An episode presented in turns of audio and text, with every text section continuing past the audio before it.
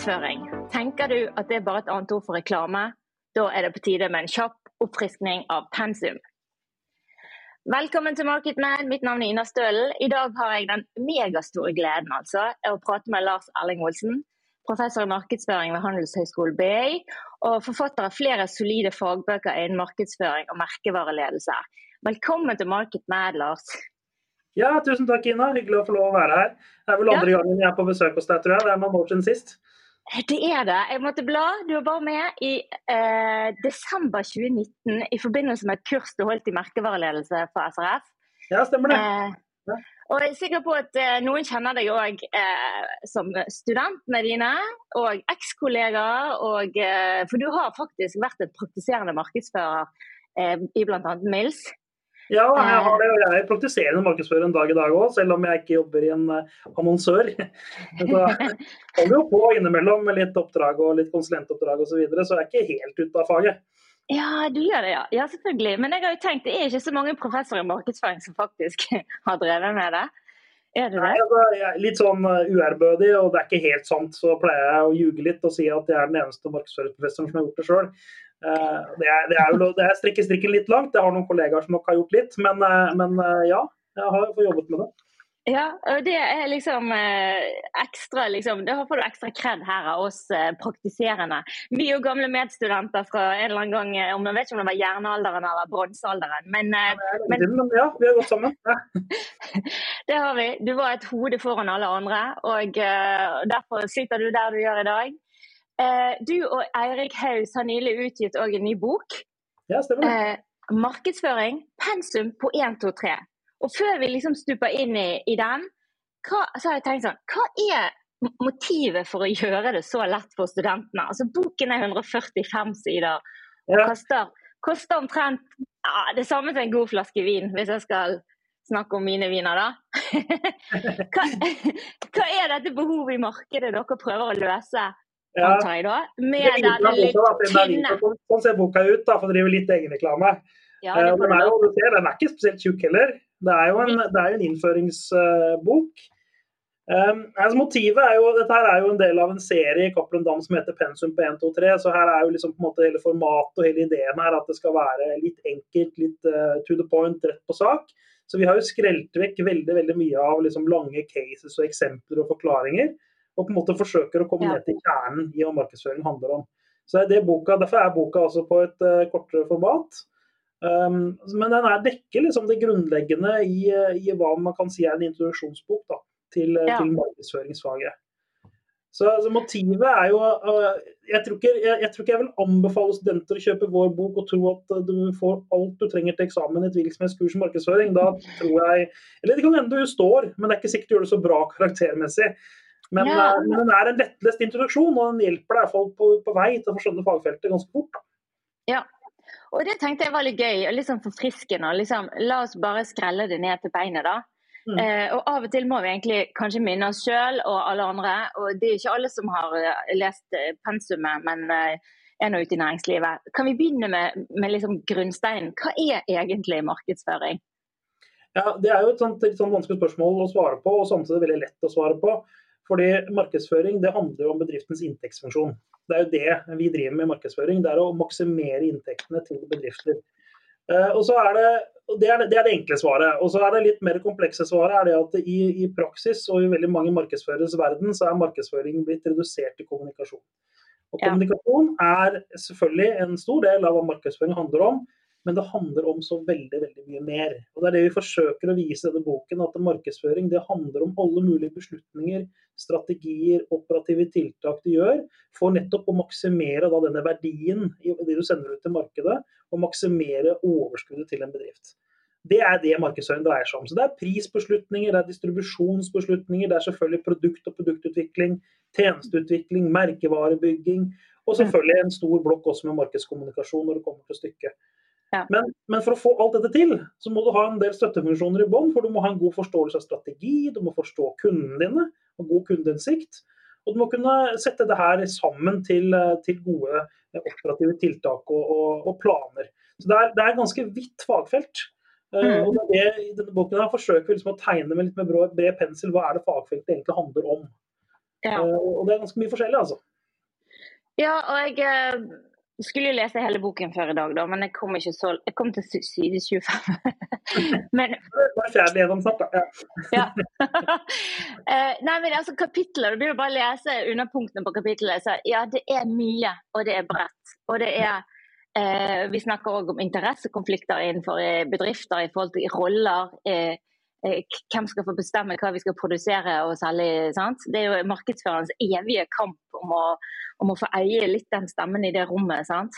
Men hva, er, hva, er liksom, hva tenker du utfordringen i, i rollen til markedsførerne, da? Eh, mm. som, som, det ofte blir rundt omkring? Ja, det, er det, altså det som markedsførere har slitt med litt i senere år, da, for å sette litt perspektiv, det er det at man har blitt for lettvektere.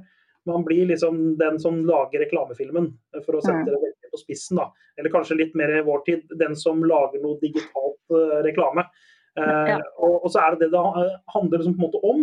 Men, men markedsføring er veldig, veldig, mye viktigere og mye større enn det. Men, det. men, det er et generelt problem. Det er mange markedsførere internasjonalt og i Norge som på en måte har mistet plass rundt beslutningsbordet. Man har mistet plass til finansfolka og folk som har liksom mer kompetanse eller mer punch da, inn i bedriften. Og, Litt av poenget med å skrive denne boka og liksom på en måte sette markedsføring som helhetlig på dagsorden, er å vise at markedsføring er så veldig mye mer. Men, men man kan også bli litt sånn bekymret, for man liksom går på finn.no og, og, så videre, og leser på utlysninger om markedsførere. Så er liksom, det er innholdsprodusent og performance marketing og, og SoMe-ansvarlig er liksom veldig tydelige og vanlige titler på, på liksom veien inn i markedsføring for ja. unge mennesker. Og, og, all respekt for det. Altså det er, ikke, jeg sier ikke at det ikke er viktig at man skal drive med tingene der, men markedsføring er ikke bare det. Altså. Det er veldig mye mer enn det. Og Det tror jeg vi har mista litt på veien innenfor faget vårt. Ja, og jeg tror det er utrolig mange stillinger som er akkurat rettet mot det du sier. Litt sånn content og, og digital markedsføring. Eh, så jeg tror jo de som leter etter folk, òg leter veldig smalt og tenker at det content marketing skal løse alt her. da. Ja, og det er sånn feil rekkefølge. Man begynner med liksom det operative tiltaket, og ikke med strategien og analysen bak. Ja. Og, og Markedsføring er også å skjønne det. Skjønne hva man faktisk skal si og bør si, og hvordan man skal si det. Ja. Mm. Men, men igjen, det er ikke bare det å si ting. Det er jo så veldig mye mer. Ja. Hva er det du skal selge i utgangspunktet? Det skal også utvikles. Og Det er også mm. markedsføring. Ja. Mm. Og så er det liksom to perspektiver som jeg syns er mye òg diskutert i det siste. Det, liksom, vi har et ledelsesperspektiv og et samfunnsperspektiv som på en måte ja kan du fortelle litt om hva du legger i de to eh, perspektivene? Ja, Vi diskuterer litt i første kapittel i boken eh, litt om hvor, hvor er det markedsføring står da, i, i, den verden vi er i. Og, og, Veldig mye av klassisk markedsføringstenking, markedsføringslitteraturen, handler om et sånt ledelseperspektiv. Og det er jo det, liksom, Business School holder, holder jo på med det. Men så er det en rettmessig kritikk som kommer gjerne litt utenfra vår bransje, som sier at men markedsfører må jo ta stilling til litt større samfunnsspørsmål må liksom ta en debatt om okay, det faget, det, den, den rollen du har, hva, hva, betyr det for samfunnet som helhet? Så Vi forsøker å si litt om det også i boka, hvordan markedsføring faktisk påvirker, altså god markedsføring da, kan påvirke samfunnet. Uh, og Et eksempel på det er det at god markedsføring handler om å bruke ressurser på en optimal måte. Uh, det handler om at vi forstår menneskelige behov, tilpasser oss, lager produkter og tjenester og kommuniserer på meningsfulle måter som skaper verdi eh, i samfunnet. Og, og, det, og det, er liksom, det, det, er også en del av markedsføringskunsten. Det er å på en måte kunne se sin egen virksomhet i litt større perspektiv. Ja. Eh, jeg tror også det er det som skal til for å lykkes i det lengre løp. Uh, så det, det er, gjør vi et lite poeng av. Nå er ikke det noe som vi har funnet på, for du finner markedsføringsbøker som er skrevet tidligere og som har det perspektivet. Mm. Det glemmes veldig fort, da, veldig ofte. Man blir så instrumentelle. Man er liksom ned i hva man konkret skal gjøre. da. Ja. Mm. Men, men, det samfunnsperspektivet det handler jo på en måte om å, å eh, si, Kundene eller forbrukerne forventer jo òg en mer etisk eller en grønnere eller en, en mer rettferdig si, eh, produsentside. sant?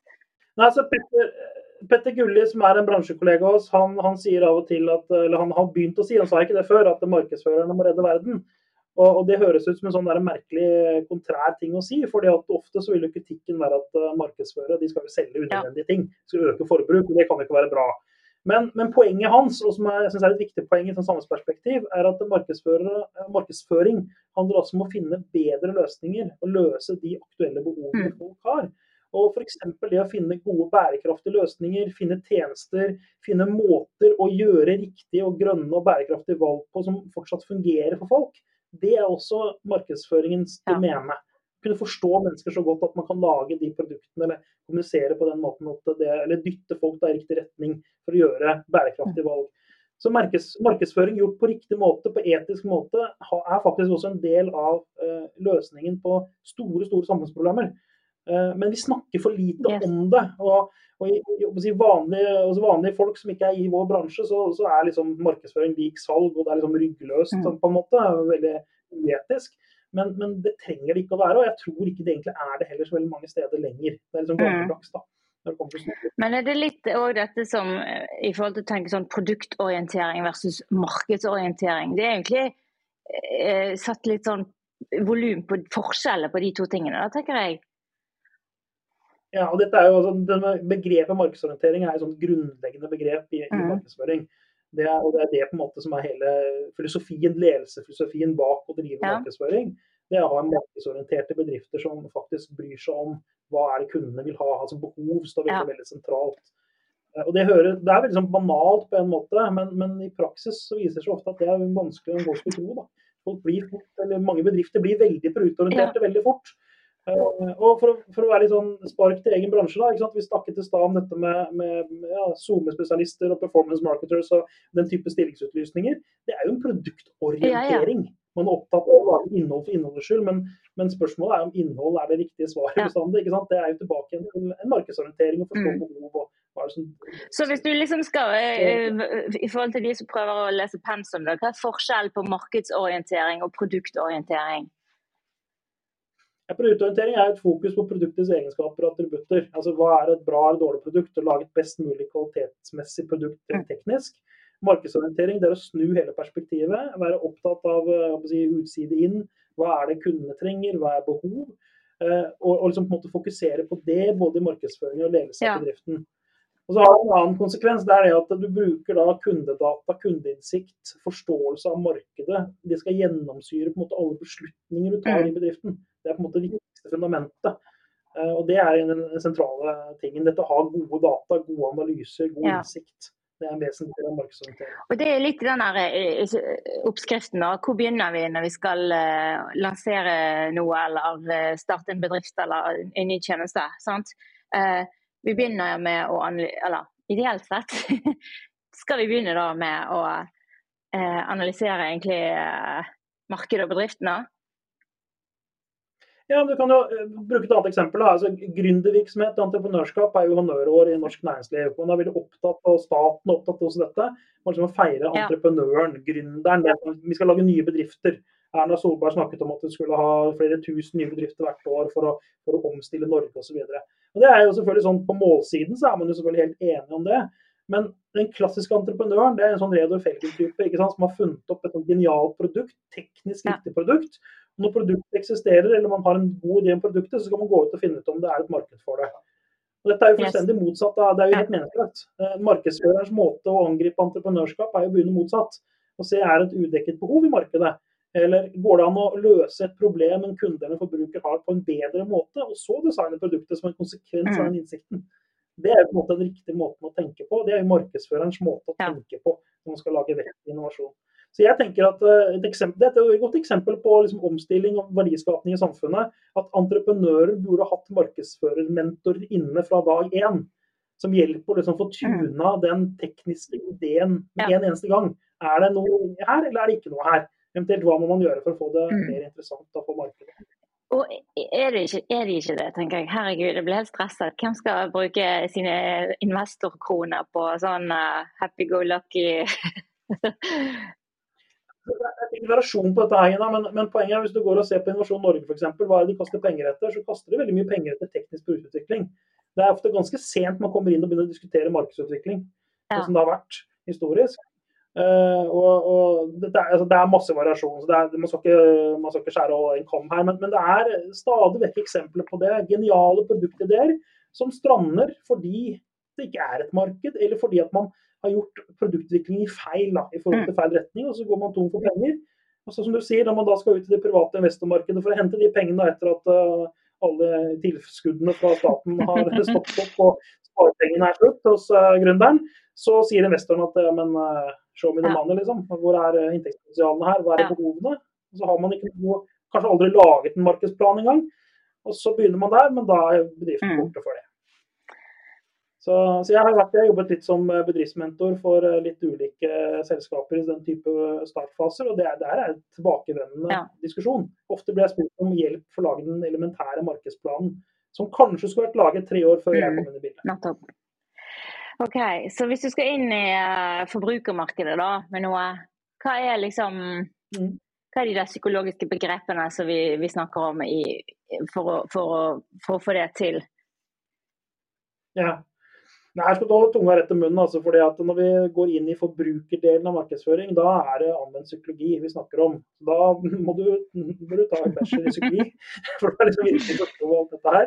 Eh, Vi er jo mennesker med kjøtt og blod, og en for forbruksbeslutning er jo lik alle andre beslutninger vi tar i livet. På alle mulige Ja. måter. Så er det samme begrepsapparatene. Det, er, det er kognisjon, og det er følelser. og det er masse av disse begrepene som persepsjon og masse sånne klassiske, grunnleggende psykologiske begreper som, som, som sier noe om hvordan mennesker agerer og oppfører seg, som også betyr noe i forbrukerbeslutninger. Så det er, det er et klassisk eksempel om å skille litt mellom forbrukermarkedsføring og business-to-business-markedsføring. For det er ofte litt forskjellige banehalvdeler. Ja, Eh, Så er det livspunkter selvfølgelig òg, fordi at det er mennesker uansett. En profesjonell innkjøper er også et, eh, et menneske av kjøtt og blod. Så det er psykologi også der.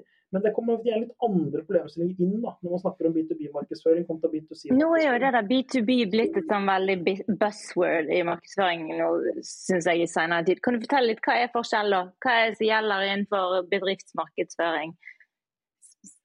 Ja, altså, egentlig syns jeg det er mindre forskjell enn man skal ha det til. Man, man, man rasjonaliserer B2B-markedsføringen til å bli et sånt stort spørsmål om anbudskontrakter og kommunisjoner og, og, og den type ting. Eh, og på en måte så er jo det riktig. ikke sant? Altså Offentlig innkjøp f.eks. er jo veldig preget av dette her.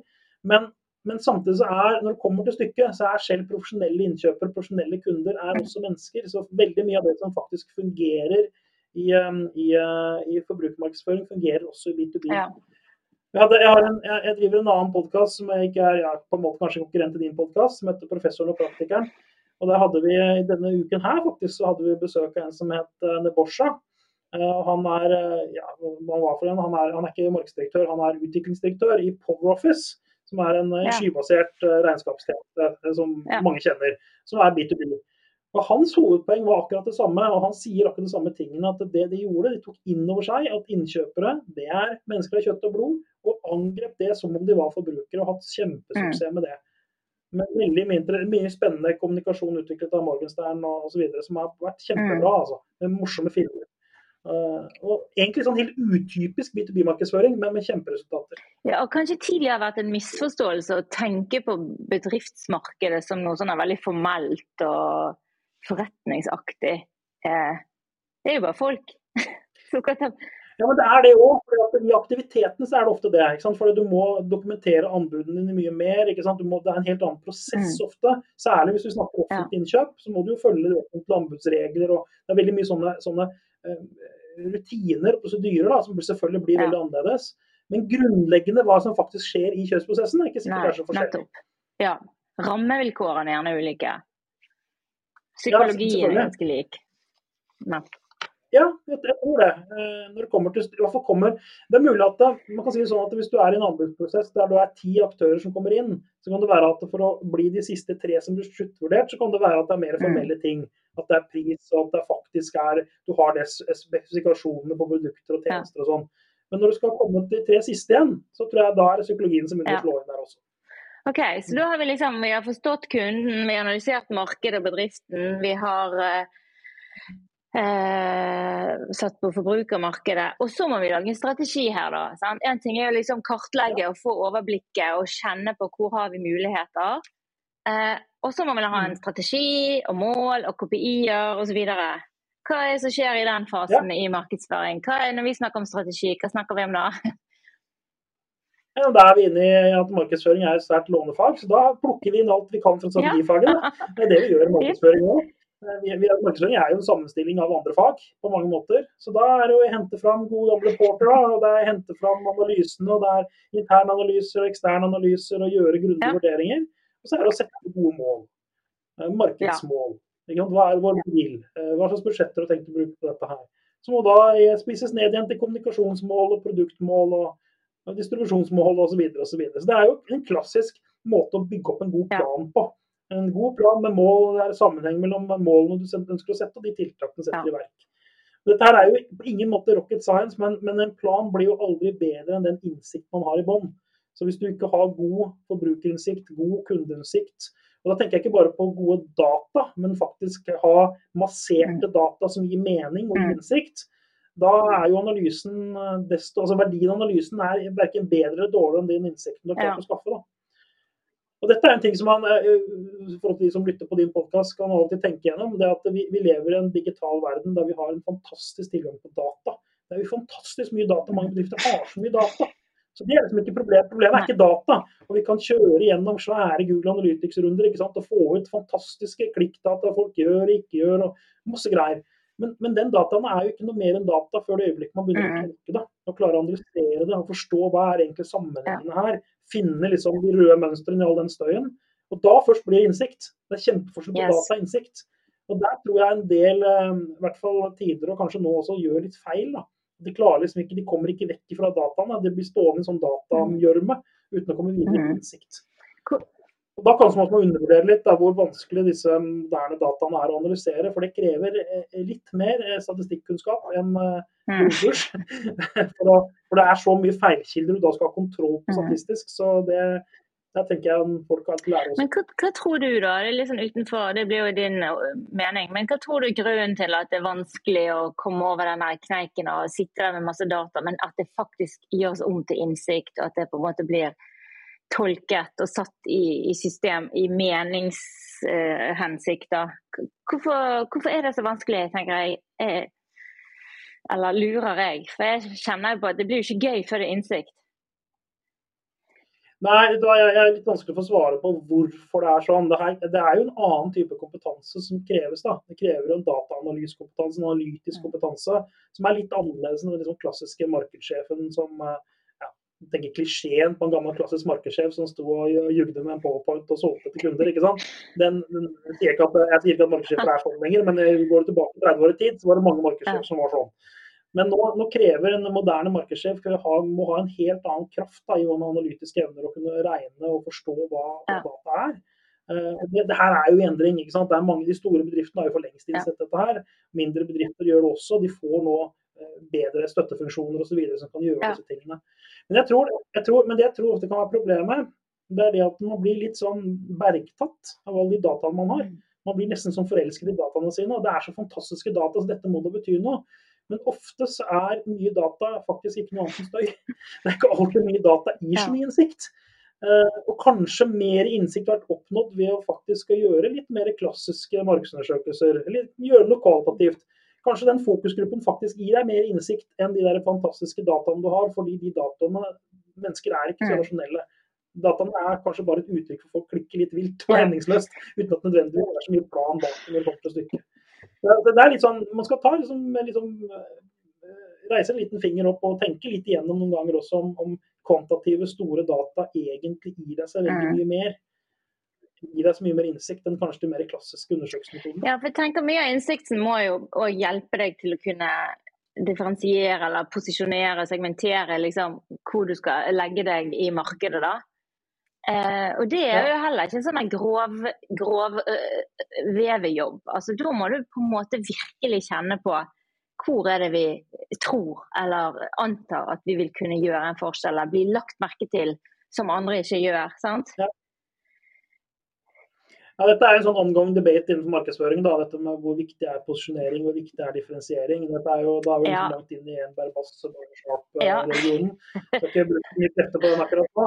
Men, men det, er jo, det, er jo, stemmer som hevder at differensiering liksom ikke ja. er viktig lenger. Eh, men så kommer det diskusjon hva er differensiering. Mm. så det er ganske mange lag i den diskusjonen mm. der. Men det som i hvert fall er sikkert, det er jo det at eh, for å få det til, så er det er veldig forskjell på markedet. Da. Noen ganger kan det være veldig sterk konkurranse, og det er veldig viktig å finne den nisjen som du kan være sterk i. Eh, og så er det avhengig av deg selv. altså Hva er din egen størrelse, eh, markedskraft, Mm. budsjett. Det er så mange faktorer som på en måte spiller inn. Men jeg tror sånn, uansett hvor stor eller liten bedrift, så handler det om å stå ut på en eller annen måte og være tydelig og si at dette er det kundene eh, skal kjøpe meg for. Dette er en grunn, eller dette er derfor kundene skal huske på meg i en kjøpssituasjon. Eh, det, er, det er det som er det sentrale. og det, Men da må du ha en strategi Mm. bak. fordi at de fleste har jo ikke uante ressurser. Så for å få det til, så må du Ja. ta noen valg. Du må velge noe valg. Og så tenker jeg jo mange kanskje glipper litt på at du må stå i det valget lenge. Du må gjenta og gjenta og forsterke og forsterke. For egentlig skal vi bygge sånne nettverk i hodene på folk. sant? Sånn at i det behovet melder seg, så er det din merkevare som skal dukke opp først. Det er egentlig det vi ønsker. Å bli valgt og osv. Ja, det er, det er jo det du er inne på. Da er du fort inn i merkevarebygging, da, ikke sant, som det handler om. Det, men det er konsistens. ikke sant? Det er det det dreier seg om. at du, du, De fleste trenger jo tid for å få bygge de Ja. posisjonene. Og da er vi igjen sant, tilbake til du må ha analyser som forteller deg hva er de langsiktige gode posisjonene å ha. Én ting er liksom faden akkurat nå i Mhm. neste år. Eh, Noen bedrifter kan tjene godt på det også. Det kan, være, det kan være en strategi, det òg. Være den som alltid er flink til å ta på en måte, den siste Mhm. trenden. Men, men eh, sånn, for de fleste så vil det lønne seg på en måte å tenke 10-års- og 15-års- og 20-årsperspektiver. da, på det man holder på. Og det er her ofte liksom salgssjef og markedssjef blir litt sånn sant? Vi er ikke helt enige. Salgssjefen skal ha resultater i Q4. Eh, Mm. sant? Merkevarebygging er jo en kondistrening som skal være der hele tiden. Absolutt. Det er der som sier, den klassiske salgssjefen og markedssjefen Ja. krasjer. da. Men, men problemet er nok godt at markedssjefen også har forventninger på å levere noe kult. Så den operative markedsføringen som vi ser mye, som, som ikke nødvendigvis er noe galt med, den, den kan være skadelig for det langsiktige markedsarbeidet. Hvis man på en måte hele tiden løper etter Tenk pris som Mm. prisstrategi som et eksempel. da, Å sette ned prisene for å få de effektene raskt, men eh, ødelegge markedet sitt på lang sikt osv. Det er mange sånne faktorer i Ja. dette her. da. Eh, Men samtidig så tror jeg ikke vi skal redusere en markedssjef til en person som bare skal sitte og tenke jeg tenker kun på de neste 20 årene, jeg. jeg tenker ikke på neste år. Det er, det er, du har den approachen, så tror jeg du ikke varer så lenge som markedssjef. Og jeg tror kanskje bedriften går Ja. kurs også. Så du må jo på en måte ha den cashflowen inn nå. Så det er både og. Og, altså, I mindre bedrifter i hvert fall, så er jo ofte markedssjefen og salgssjefen det er samme person. sant? Ja, definitivt. Ja, ja, selvfølgelig. I små bedrifter. Sånn at eh, ja, det blir vel en sånn eh, indre konflikt på noen ting, da. Men, men ja, de fleste vil jo eh, bli presset på resultater her og nå. Så, så Men det, altså det at du presser på resultater eller skal ha kortsiktige effekter, det, betyr jo ikke at det å stå i Nei. kontrast til å ha langsiktige. Man kan jobbe smart kortsiktig som også gir langsiktige effekter. Men det er greit å tenke på ja, begge det må gå i to spor, minst. Hm. Ja, Definitivt. eh, OK, vi har strategi, vi har mål, vi har KPI-er. Da må vi ha produkter og tjenester og bygge merkevarer, da. Sant? For å nå dette Ja, målet, hvordan skal vi gjøre det? For Ja. å vinne Nei, det er jo det starter gjerne med produkt eller en tjeneste, da. noe du skal selge. Det kan jo være en idé òg. Det kan være organisasjonsliv og drive markedsføring der òg. Det kan være et valg, det kan være mange ting. Altså Markedsføring kan jo handle om ufattelig mye forskjellig. Men sånn grunnleggende sett så er det et eller annet Ja. produkt da, som skal selges. Og Da må man jo diskutere hva er det produktet, da. Og Da må man jo gjerne ha litt uh, helhetlig perspektiv på det. Et produkt er noe fysisk, men det kan også være en masse tilleggstjenester rundt. Og det kan være ganske abstrakt. Det vet jo vi som har gjort mye merkevarebygging, hvor mye abstrakt som kan ligge i en merkevare, f.eks. Altså om man kjøper en følelse, eller man kjøper en nostalgi eller en barndomsopplevelse. Det er ikke sikkert det var bare yoghurten du skulle ha, du skulle også ha smaken av bestemor, ikke sant. For å sette den på spissen. Det er veldig gærent med smaken av bestemor, men lukten av bestemor, eller ja, du skjønner hva jeg om ja, ja. Minne av bestemor. Nei, ikke sant. Så det, jo, det ligger jo i bånn. Og da kommer jo dette med da, Som jeg sa i stad, markedsføring er et rappefag. Da kommer innovasjonsfaget inn. Hvordan jobber man med innovasjon? Av tjenester og produkter. Og så bare putter vi det inn i markedsføringa og, stjeler det for de folk som driver med innovasjonsforskning og sier at det dere har funnet ut, det kan vi Ja. bruke her. For dette er viktig Ja, ja. for oss. Så det er, det er jo et vesentlig poeng. Og da er vi liksom inne på, Når du nevner produkter og tjenester, så er vi jo fort inne på eh, McCartys Ja. fire P-er. da, Som er liksom den kanskje mest kjente akronymet innenfor for klassisk Den må alle klare til eksamen. Hva er de fire p-ene, Lars? ja, den tror jeg at Hvis du som student på et interkurs i markedsføring i dag ikke vet hva fire P-er er, da tror jeg kanskje at du skal ta en Ja. runde til. Det er liksom, det, det lærer du. Men, men, men det som er litt synd, at mange lærer de fire P-er, og så lærer du det én gang, kanskje på et introkurs på en høyskole eller universitet. Og så hører du ikke mer om det, og så begynner du arbeidslivet, og så har du liksom glemt litt hva det Ja. betyr i praksis. Men 4P-er er, selv om det er eh, oppfunnet på, på slutten av 50-tallet, begynnelsen av 60-tallet, så er det fortsatt kjempegyldig en Mhm. dag i dag. Men kanskje man, man har byttet litt innhold, hva som ligger i de ulike P-ene. Men, eh, men det betyr jo, altså f.eks. distribusjon er jo klassisk. Altså Alt det som går med digitale kanaler, salgskanaler, netthandel og alt mulig, er en del av, eh, av P&, place, som er Ja. distribusjon. Men selv om når det ble funnet opp av Jerome McCarthy, så tenkte jo ikke han på digitalt handel. altså Det var utenfor hans ja. tid. Men, men det likevel så er det gyldig den Ja. dag i dag. da. Så den Sammensetningen av de fire P-ene er, det er på en måte kunsten da, i operativ Mhm. markedsføring. Ja, altså, det er jo bare over... Du trenger ikke flere P-er. Jeg hører stadig folk snakke om at du trenger både seks og fem og syv P-er. og sånt nå. Er eneste sprøyt. Du klarer lenge med fire P-er. Skriv det på eksamen. Klarer deg lenge med fire, bare tilpass den tiden du lever i. Sant? Ja, men det er noe å legge på f.eks. at people, mennesker, er en P. Men det er egentlig en misforståelse, fordi at P-en eh, produkt, tjeneste og tjenesteutvikling, det er også den rommer det.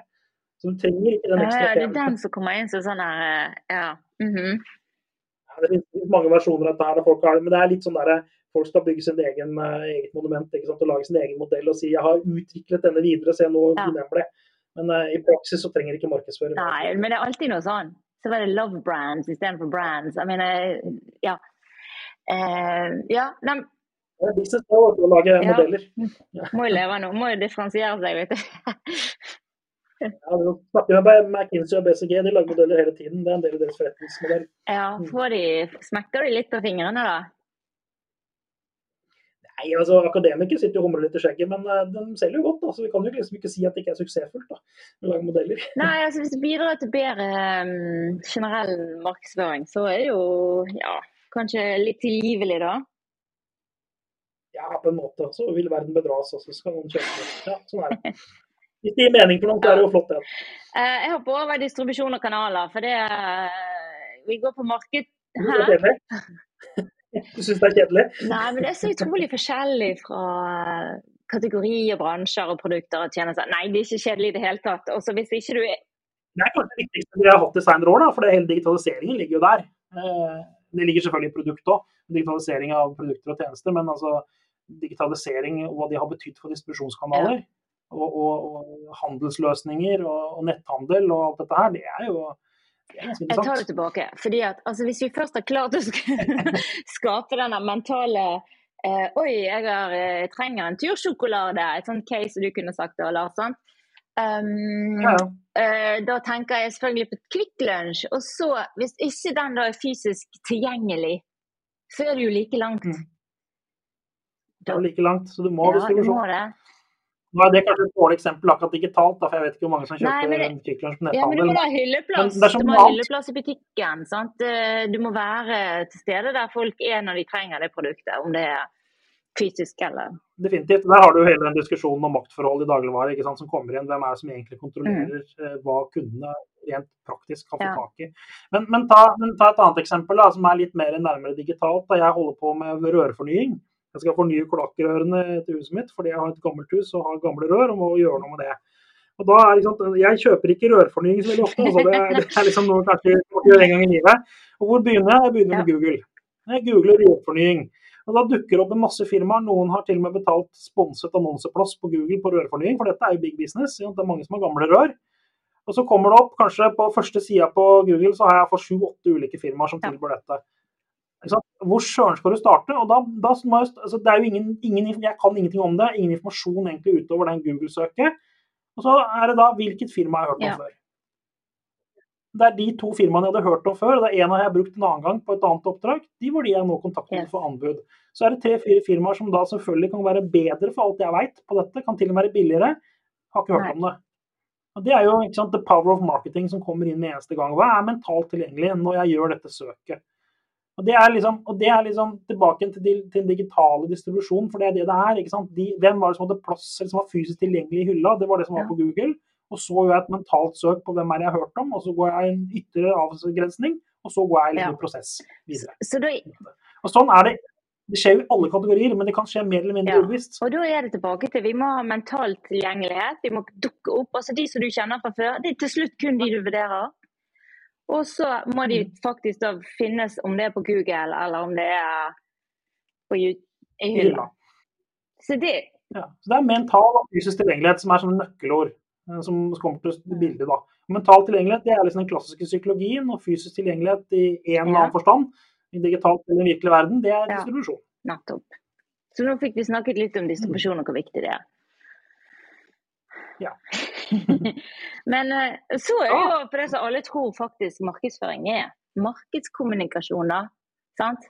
Og det er jo stort, det òg, og viktig. Og vi snakker om reklame annonsering, og vi snakker om budskap, og vi snakker om uh, uh, alt, all, alt, dette her. Uh, hvordan fungerer det? Mm. Hvordan fungerer det egentlig? Ja, er, ja, Den som hadde visst det 100% hadde nok blitt veldig rik. Det er vel ingen som vet det 100 Nei. Men det er som du sier, ikke sant? hadde jeg gått på gata her og spurt liksom, hva er markedsføring, så hadde de fleste sagt reklame og mm. sånn. Mm. ikke sant? Lekfolk ville si det. Så det er helt riktig at markedsføring ofte Og det, jeg synes det, er, det, er, det er jo sant, men samtidig så er jeg litt bekymret når markedsføring blir redusert til kommunikasjon, da, for å ta den diskremeren ja. først. Men når vi først skal snakke om kommunikasjon, da, om det, og det er superviktig, det, så er det jo, det er jo vi, vi, bruker i boka vår et sitat av en som heter Harold Laswell. Eh, et sitat fra 1948. og Det er liksom litt indirekte måte å svare deg på spørsmålet. For Han sa i 1948 at hva er, liksom, hva er de store spørsmålene om kommunikasjon? Og så formulerte han det som en setning. Og Han sa 'Who says what to whom in what mm -hmm. channel?' Det er det kommunikasjon handler om. Og i de ordene der, hvis du understreker liksom 'who', så har du avsenderen. Så har du 'what', det er jo selve budskapet. 'To whom', det er kommunikasjonsmålgruppen. Og 'in what channel', det er da media og medievalget ja. du gjør. Og De spørsmålene, de, de fire punktene der, det er det markedskommunikasjon handler om. Det er å gjøre optimale valg innenfor alle de fire elementene. Og Da er det spørsmålet hvordan mm. virker det? Og Det virker som en kombinasjon av de fire elementene. Og derfor så er Dette her er litt sånn komplekst. ikke sant? Fordi at det er ett kommunikasjonsbudskap som er klin likt, kan ha litt forskjellig effekt avhengig av hvem som sier det. Hvem, hvem, sa dette? Var det statsministeren eh, som sa det på TV? Eller var det Johan 48 på Snåsa som sa det? Det kan være samme budskapet. Effekten av det budskapet kan være helt, helt forskjellig. Så Det er som én element. Og så er det, ikke sant, Du lager jo ulike eh, kommunikasjoner til ulike mennesker. Ja, fordi at eh, Det som fungerer overfor en fem år gammel jente, kan være helt annerledes enn det som fungerer for en 90 år gammel mm. dame. Eh, selv om, selv om på en måte kan ha samme mål osv., så, videre, så kan det være helt forskjellige måter å si ting på for å få fram et budskap. Og så er det til syvende og sist, når du snakker om uh, hvordan fungerer det, så må du vite hva du vil oppnå. Altså Hva er strategien, hva er målet, altså hva er, hva er poenget med denne ja. kommunikasjonen? Er det å skape mental tilgjengelighet, oppmerksomhet, eller er det å lære forbruker eller kunden noe mhm. nytt? Eller er det å få, få en talsutløsning akkurat der og da? Og derfor blir det ofte når man diskuterer om en reklame er god eller dårlig, eller kommunikasjon er god eller dårlig, så blir det en vanvittig sånn eple- og pæresammenligning. For du, du må vite liksom, hva er hele poenget og fundamentet bak. Ja. Så jeg skjønner, skjønner, liksom at eh, markedskommunikasjon får stort fokus, for det er ganske kompleks. Og det, tar, altså, og det er evig arbeid. Det er liksom det er ikke sånn uh... Det får stort fokus, det er, og det er viktige tiltak. Men det, så, det, som er mitt poeng, da, som er viktig tror jeg, å få fram, det er det at det kommer langt ned i trakta. Altså, Markedskommunikasjonen kommer som konsekvens av en masse andre markedsføringsvalg du allerede har gjort. Du har gjort sant, analysen, du har gjort strategien, du har laget produktene og tjenestene. Du har bestemt deg for pris, du har bestemt deg for distribusjon. Så kom markedskommunikasjonen. Det starter ikke markedskommunikasjon. Det er, det, det er liksom ikke det første og viktigste du gjør. Det er en konsekvens av en masse andre beslutninger som du har tatt, eh, enten nylig eller i fortid, som har en som en konsekvens. Og, da, og så blir det liksom for å, for å, for å fordumme eller forenkle hvordan man ser det ytterligere, hvis du snakker med reklamebyråene, så vil de ofte si ja, hva er det som virker da? Ja, det er kreativitet. Mm. Og Ingen kritikk av det, for det er masse forskning som viser at kreativitet i markedskommunikasjon betyr noe. Så, så, Det er alle enige om. Det er å slå en vidåpne låvedører og si noe annet om kreativitet er viktig. Men, men samtidig så er det liksom du er, du er, på en så liten, så smal liten del av, av hele vårt markedsføringsfag, som selvfølgelig er reklamebyråenes domene, som de er kjempeflinke på og skal være kjempeflinke på. Men det er, ikke det, altså, det er ikke den kreativiteten seg selv som sannsynligvis redder eller dreper en bedrift. Det er så veldig mange andre ting som har skjedd ja. før det. Før du kan legge på det krydderet på slutten at du lager den fantastiske kommunikasjonen med den ekstra spissen mm. kreativitet som gjør at du kanskje får løfta det litt til ja. på slutten. Men hvis produktet er dritt, hvis distribusjonen er feil, hvis analysen er gal, og, og, og, alt dette her er feil, så, så, hjelper det ikke med en fantastisk kreativ mm. film. altså. Du kommer ingen vei. Nei, og da blir jo det der, Hva er det vi skal måle effekt på, hvis ikke vi har definert på forhånd? Hva, hvem er det vi skal være noe for? og når er vi fornøyd med det? sant? Uh, så blir det bare å si Oi, var det liking på den filmen? ja, det kan godt være, men uh, det har det flyttet noe? Nei, kanskje ikke. Nei, eller det var kjempehøy liking på den filmen. Alle syntes den var helt fantastisk. Var, folk digger den når du tester, men ingen husker ja. hva det reklame for. Og hvem var avstanderen, og hva skal jeg nå gjøre? Mm. Det, det, er liksom, men, men eh, jeg, tror, altså jeg, jeg, skal ikke tillegge reklamefolk noe annet enn at jeg tror også de skjønner det. Altså Alle reklamefolk er jo enige i at det er viktig at det får effekter og resultater og alt mulig. Og så er det egentlig, det er egentlig ikke noe stort problem sånn fra mitt ståsted, fordi at man har forskjellige roller. Altså Når det, man går og brifer et reklamebyrå, så er, jo, er deres rolle å maksimere den brifen ja. de har fått. Eh, men er, mitt poeng er det at du, hvis ikke brifen er god, i utgangspunktet, så hjelper ikke mye gull du legger på. Altså, Det var akkurat det jeg satt og tenkte. Altså, det er ymse brifer, eller om det i det hele tatt er en brif av og til. Altså, det er, eh, Der har nok ofte ikke markedssjefen gjort jobben eh, optimalt på, på byrået heller. Sant? At de kan sant? En tight brief. Vi vet jo hvor mye bedre det er å jobbe med enn en, en sånn litt udefinert eh, sak. Og da blir selvfølgelig kreativitet ja. det letteste å, å, gjøre noe med. Eh. Men samtidig så er markedssjefer av og til eh, motsatt. da, At de gir så stram brief til et reklamebyrå eller kommunikasjonsbyrå at det er ingenting å gjøre med. Ikke sant? Jeg skal ha fire sekunder med det, og så skal logoen ja. komme der, og så må jeg ha en uh, hyggelig familiescene på et kjøkken. Og Da sitter jo det kreative igjen. Hva er igjen til oss, da? Og da ja, lager vi den tapetfilmen som kunden vil ha, da, etter spesifikasjoner, men det er ingen som bryr seg så mye om det. Så det er liksom, En markedssjef må også tørre å slutte litt og si det at vi kjøper inn eksperttjenester, og da må ekspertene få lov å gjøre sin jobb også. Og da blir du all... Ja, det er helt enig i. Kanskje du skulle hatt det, da. Lars Kursi å skrive en brief. Byråbrief. ja, det, jeg har ikke det før, jeg. Det kan jeg. Det kan vi gjøre. ringe deg opp igjen for det. fordi at jeg tror jeg tror det er frustrasjon på begge sider av bordet. Sant? Det er ofte sitter en markedsføring som da både har fire hatter. De er blitt bærekraftsansvarlig, markedssjef, salg. og så skal du til og med mm. skrive en brief til et byrå innimellom alt dette her. Og det er gjerne ja. Uh, det er ikke så lett. Økonomisjefen, økonomisjefen nedover nakken sin for å få resultater. Og, ja, er, ja, og så sitter det byrået på andre siden og uh, kanskje kunne hjulpet den markedssjefen ved å stille noen andre spørsmål eller tilbudt seg å sitter et byrå med noen såre kunstnersjeler på andre siden som du akkurat har knekt ja, ideen for. Ja. Ja, det, det, er, nei, det er komplekst. Ja. Nei, det, mm. det, er mange komplekse si, momenter i, i, dette faget. Altså. Sikkert andre fag òg. Ja, men det er ikke så rart, bare for å starte med, komme tilbake da vi startet på kommunikasjon. Jeg skjønner også at markedskommunikasjon blir veldig stort og viktig markedsføring. Og det er, fordi det er en veldig stor del av den operative biten. Ja. ikke sant? Og den synlige delen av markedsføring er jo ofte ja. kommunikasjonen. Eh, men, men, det er litt viktig for, oss som står og sitter på faglig side og på en måte være litt sånn motkrefter og si det at eh, fint, dette er viktig, jeg er opptatt av det. Jeg har forsket masse på markedskommunikasjon selv, så jeg er veldig opptatt av det.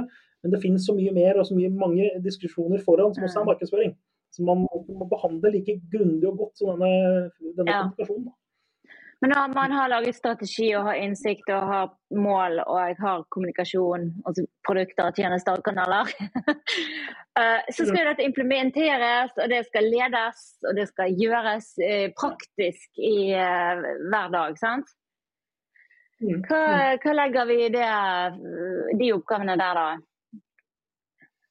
Ja, Da ble markedssjefen plutselig HR-sjef òg. Da må du inn og begynne å tenke på hvordan organiserer du avdelingen din, hvordan skal du bygge opp ulike funksjoner, hva skal være liksom markedsavdelingens eh, ansvar i forhold til andre mm. avdelinger. Hvis du har en stor organisasjon, så har du både markedsavdeling, og du har kommunikasjonsavdeling, og du har gjerne en produktutviklingsavdeling og en salgsavdeling. Og så skal du på en måte finne da, måter å organisere arbeidet ja. på. Og finne måter å, å, å, å synkronisere dette på, slik at du får synergieffekten ut. Alt dette her er også en del av hvert fall, en, hvert fall en markedsdirektørs ansvar i større bedrifter. Å finne måten å optimalisere måten man mm. jobber på. Man får ut effektene og får ut den mest effektive måten å drive markedsføring på. Og da også kunne kontrollere ikke sant, at man har kontroll på det. Så Det er på en måte liksom avslutningen i en, et markedsføringsfag. Det er på en måte sette alle brikkene sammen på en vettug ja. måte. Og jeg tenker Det er da jo egentlig mm. som enhver strategi. sant? Ok, Her har vi en strategi, vi har en plan, vi har virkemidler, vi har sånn, sånn. men vi må ha disse her eh, innsatsfaktorene da, som hjelper oss mest mulig. Hvem skal gjøre hva? Hva skal vi gjøre mer av? Hva skal vi gjøre mindre av? Uh, har vi de riktige uh, kunnskapen in-house? Trenger vi å leie noe inn? Altså, hele det der Det er som å være en sånn der Hva skal du kjøpe inn, og, og, hvilken kompetanse trenger du? Hva skal du rekruttere? Så derfor jeg sa, jeg sa litt for spøk, men litt for alvor, at da er du over i selvfølgelig ja. HR-funksjon. Men det er også en del av det. Men her er jo HR har jo en egen jo, jo, men HR eh, Nei, nå skal jeg ikke blande meg i det faget, det kan jeg ingenting om. Jeg tenker at de skal sørge for at folk trives og alt fungerer. alt innenfor loven. Jeg tror ikke moderne HR-folk er enig i den betegnelsen der. Strategisk HR er også et begrep. Vet, å jobbe litt sånn langsiktig HR-tankesettet. Ja, utvikle folk og så, i, I gamle dager, en personalsjef som arrangerte julebordet, så skjønner jeg hva du tenker, men jeg tror det er litt mer enn det i dag. Dette tror jeg vi må klippe ut, så ikke noen kaster steiner på meg. Hvis må du jobbe i en bedrift med en skikkelig fungerende HR-avdeling, så vil du se hvordan det virker i moderne ja, bedrifter. Ja, det har jeg aldri vært med på. okay. Nei, det, har, det, har nok I gamle dager så var personalsjefen gjerne en, en tidligere offiser som fikk jobben for han var god på struktur. Og så kunne han rydde opp i julebordet hvis det ble bråk.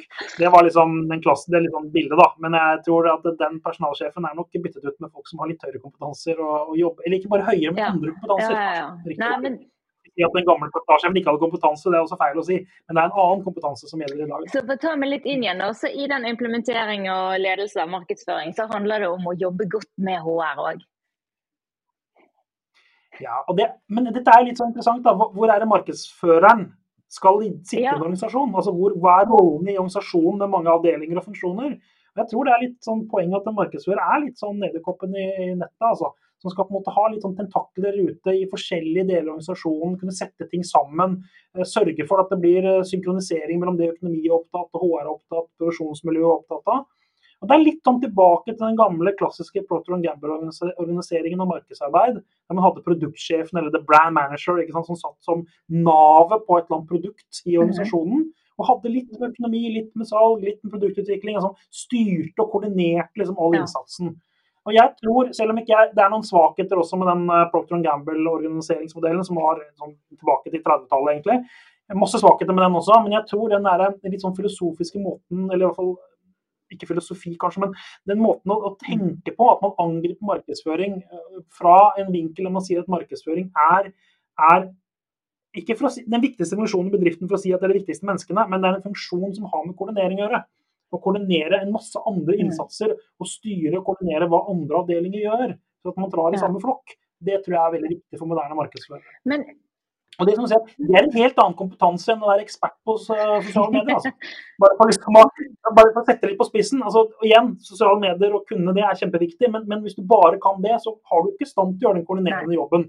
Som de klassiske markedskoordinatorene, produktsjefene som ble ansatt for 20-30 år siden i store bedriftene, faktisk ble lært opp til. For det var det opplæringen handlet om. Du startet jo med å si at jeg hadde Mills-erfaring, og du tør å si at det er 25 år siden jeg jobbet i Mills, bare så det er sagt.